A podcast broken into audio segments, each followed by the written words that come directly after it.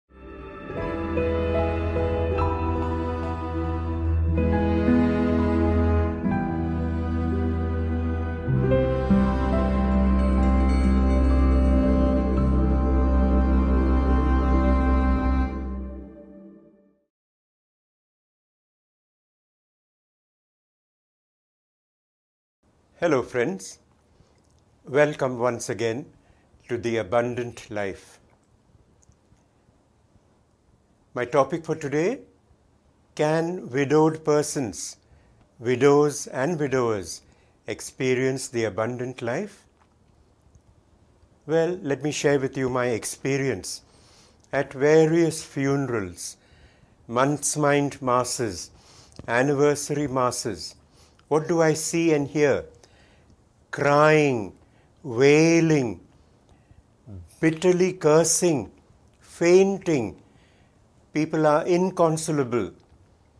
I even heard of a woman who tried jumping into the grave of her husband. Well, friends, I have been widowed for 35 years, and perhaps over the years I have become tougher. But It does not imply that I am insensitive to those who are newly widowed when I ask, Can the widowed experience abundant life? Well, from my experience, the answer is an emphatic yes, we can experience the abundant life. But it may take time and there will be ups and downs. In fact, If I'm alive today and living the abundant life today, it is entirely due to the Lord's unconditional love and mercy towards me. Anyway, the abundant life depends upon what kind of abundant life one is talking about. Whether the abundant life offered by Jesus or the abundant life offered by the world. The worldly abundant life is linked with hedonistic lifestyles. You drown yourself in eating, drinking, making merry, hoping to drown your grief. This may satisfy you for a while, but ultimately leaves you empty, and in the long run, you, will, you feel bad about your very life. I came across the four P's that the world offers pornography, potation, implying alcohol, pot, implying drugs like cannabis, and of course, pr- prostitutes and the promiscuity that they encourage. And many of us absurdly fall into these traps. which the devil and the world lays out for the vulnerable. But mind you, the relief is there, but it is temporary. And the craving for more keeps on increasing. They are mere palliatives. They do not mitigate or reduce the pain or intensity of one's grief. Instead, It causes pain to others in the family. Strangely, though temporary in nature, one can get hooked and stuck like the fly in the spider's web, this web which the devil lays out before us. For a while, I myself tried to drown in the allurements and distractions of the world and the flesh. It was a sort of foolish defiance of God. I can manage on my own. I do not need you. But it did not work. And I thank God that it did not work. I thank God for bringing me to my knees and out of my foolishness. Today, I can sincerely say, Lord, I know that you have brought good out of everything bad that happened to me in my life. Well, friends, we have seen how the abundant life can be offered by the world, which is temporary. But Jesus, on the other hand, offers us the abundant life that is almost permanent in nature, as we read in John 10, verse 10. I came that you may have life and have it in abundance.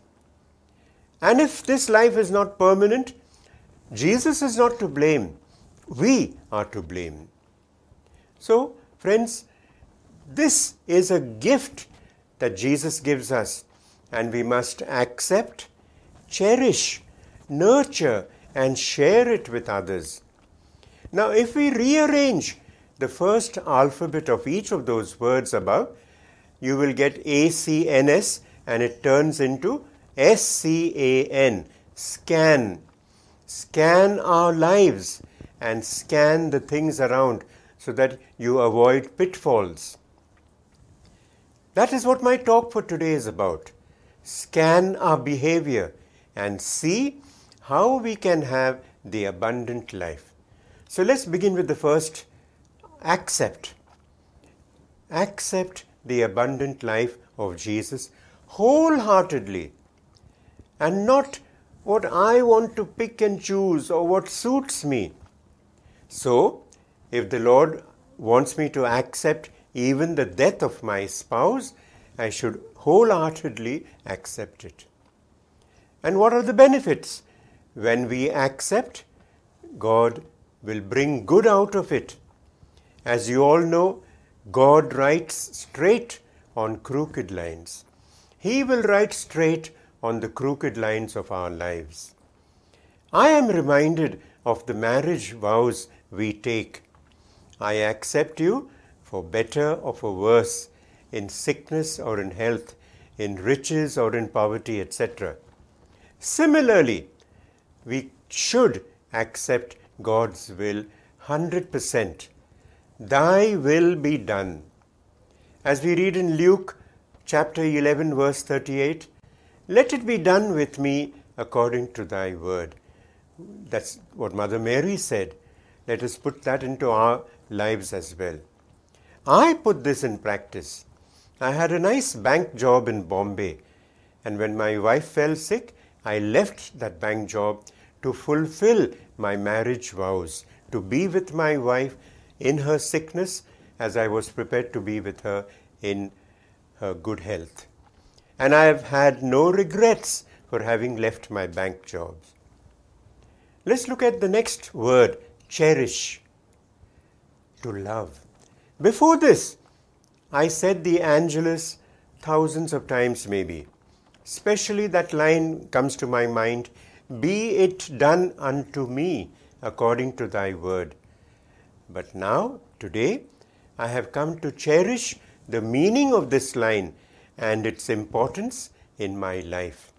Let me briefly share with you my story when the doctor pronounced my wife as dead. I had trusted God and I knew that He would heal her, but God had other plans. And I looked up to heaven and I said, Lord, you have let me down.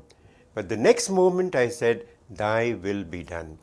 In fact, such utterances began to fill my life as, Help me, Lord. I need thee, Lord. You alone can satisfy me. Help my weakness, my sin. Jesus, I trust in you. I surrender, Lord, to you. And that's a hymn I even composed in the depths of my pain and grief. Well, hymns may be sung silently or aloud. Among my favorites, and there are many, I have chosen two. I need thee every hour. Also, be thou my vision, O Lord of my heart. There are songs in general with nice lyrics, uplifting lyrics, and they can be a great help. For example, you raise me up. I love to listen to the words. Let's look at the next word nurture, which means to sustain, to feed, to care for. So, how does one nurture the abundant life which Jesus offers? Well, three things come to mind prayer, personal prayer at least 10 minutes in the morning before you begin your day, and family prayer, perhaps the rosary together. then again adoration if possible before the blessed sacrament whenever you can make it and thirdly the sacraments especially the sacrament of confession and the eucharist daily if possible i find tremendous help in attending mass daily then again reading and praying with the bible and other religious based books are a great help when tempted to indulge in pornographic magazines or TV serials with sexual connotations. Pick up your Bible, it will give you strength. Also, buy spiritual books, and when your birthday comes around, tell your friends, give me good spiritual books, forget about anything else. Friends, get involved in church activities. For example, I was a member of the parish council for 3 terms I was a member of a prayer group and even became its leader. Join such groups and it will help you. I remember when my wife was in the female ward in hospital, the prayer group leader came to my help. He invited ladies from the group to spend one night each with my uh, wife in the hospital, because I as a man was not allowed in the female ward. Friends, nurture yourselves and others by starting support groups. I started what was called Growers, G R O W, Goa Regional Organization of the Widowed. Unfortunately, we could not continue because I was the only man and there were many roses around me. But it has helped where I have even started such a group in my own parish. Some things we try to do. visit the recently bereaved, pray with them. It helps those persons who need your comfort. Let's remember no man is an island. We need others. But have a spiritually strong friend as your mentor, preferably a priest as your regular counselor, confessor, or spiritual guide. I have been fortunate in having such a spiritual father since 1982. He was a great help during my wife's illness and after that, even up to today. Let's look at the next word share. You heard this. Sorrows shared become sorrows halved. Who better than the Lord Jesus and His Mother Mary to share your burdens with? I have found great consolation in Jesus and Mary. But human beings that we are, we also need to share with other flesh and blood human beings. I owe a tremendous debt of gratitude to my family, my friends, my neighbors, my colleagues. I couldn't have carried on without their help. What does one share? Well, difficulties, successes, problems, both personal and interpersonal. I know there were times when I needed to talk even about certain problems I was having in my own home.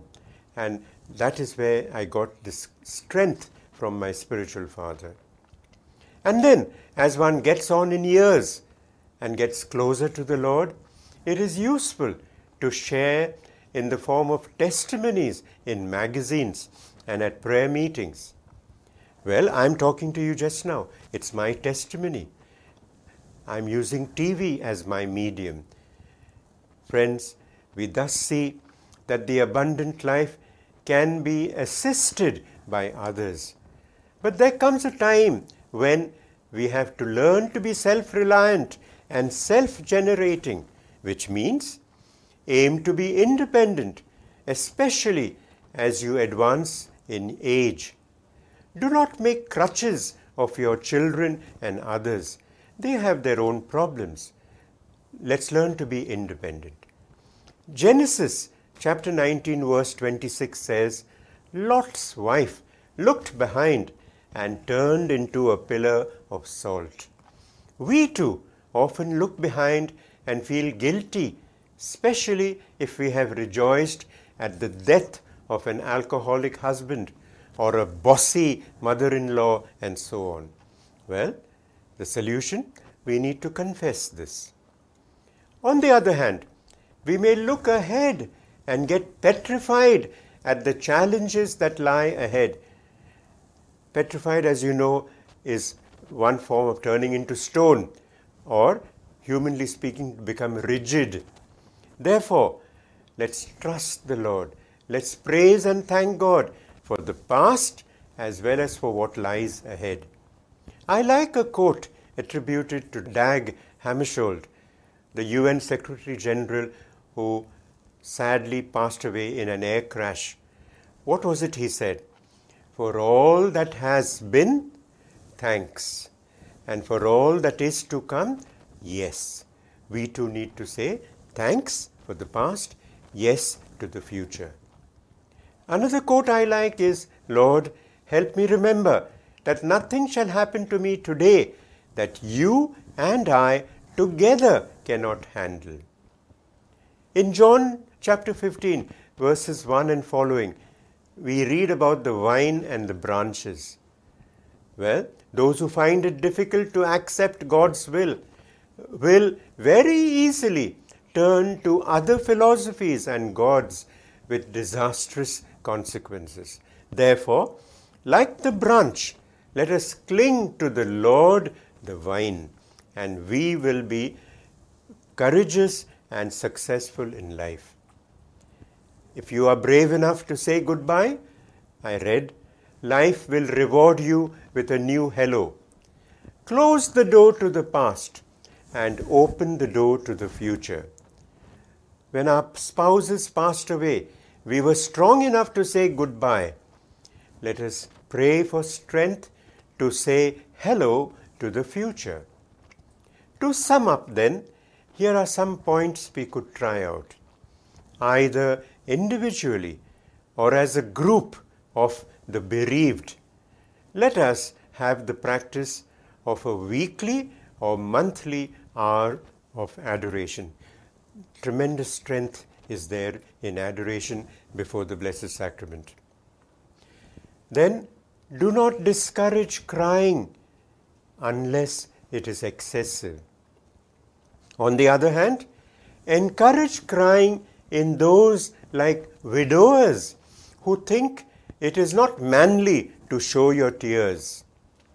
Friends, let us cry when we need to. But let us cry in secret in the company of Mother Mary, who kept all these things in her heart, as we read in Luke chapter 2, verse 51. Avoid cutting yourself off totally from socializing.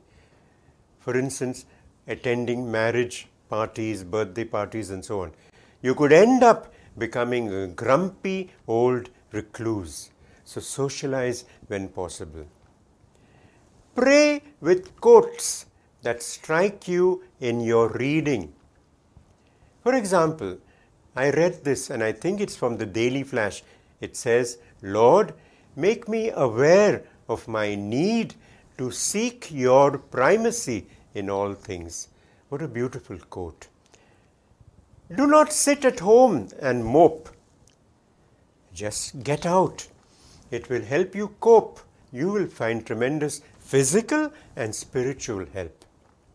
We know how Veronica wiped the face of Jesus. We are invited to become Veronica's, wiping the tears of the bereaved.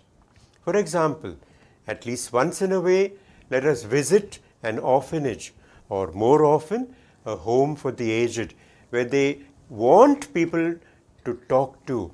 They crave attention. Let's help them. Men seek help in developing cooking skills. I've heard of men who can't even make a cup of tea. What about women? Women seek help in learning banking skills. I know of persons, when their husbands died, they didn't know how to operate their bank accounts. Let's read and meditate upon 2 Corinthians chapter 12 verse 7 pertaining to St. Paul's thorn in the flesh.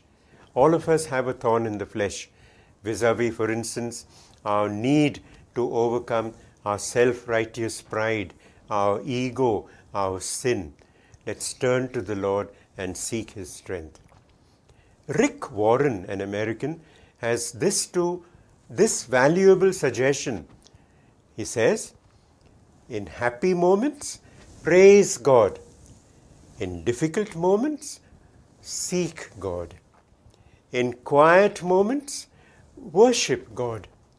And in painful moments, trust God. What a beautiful thing, isn't it?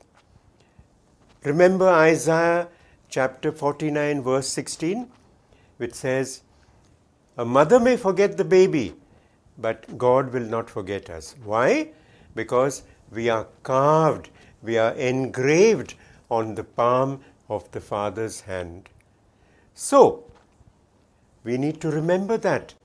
And when we feel low or depressed, just FIFA. Am I gone crazy? Yes, just FIFA, which means fall into the Father's arms. F for fall, I for into, F again Father's, and A for arms. Do it often. My dear friends, imagine yourselves falling gently into the Father's arms. He will carry you forward. Trust Him. You will find great blessings when you FIFA. So, once again, just FIFA. God bless you.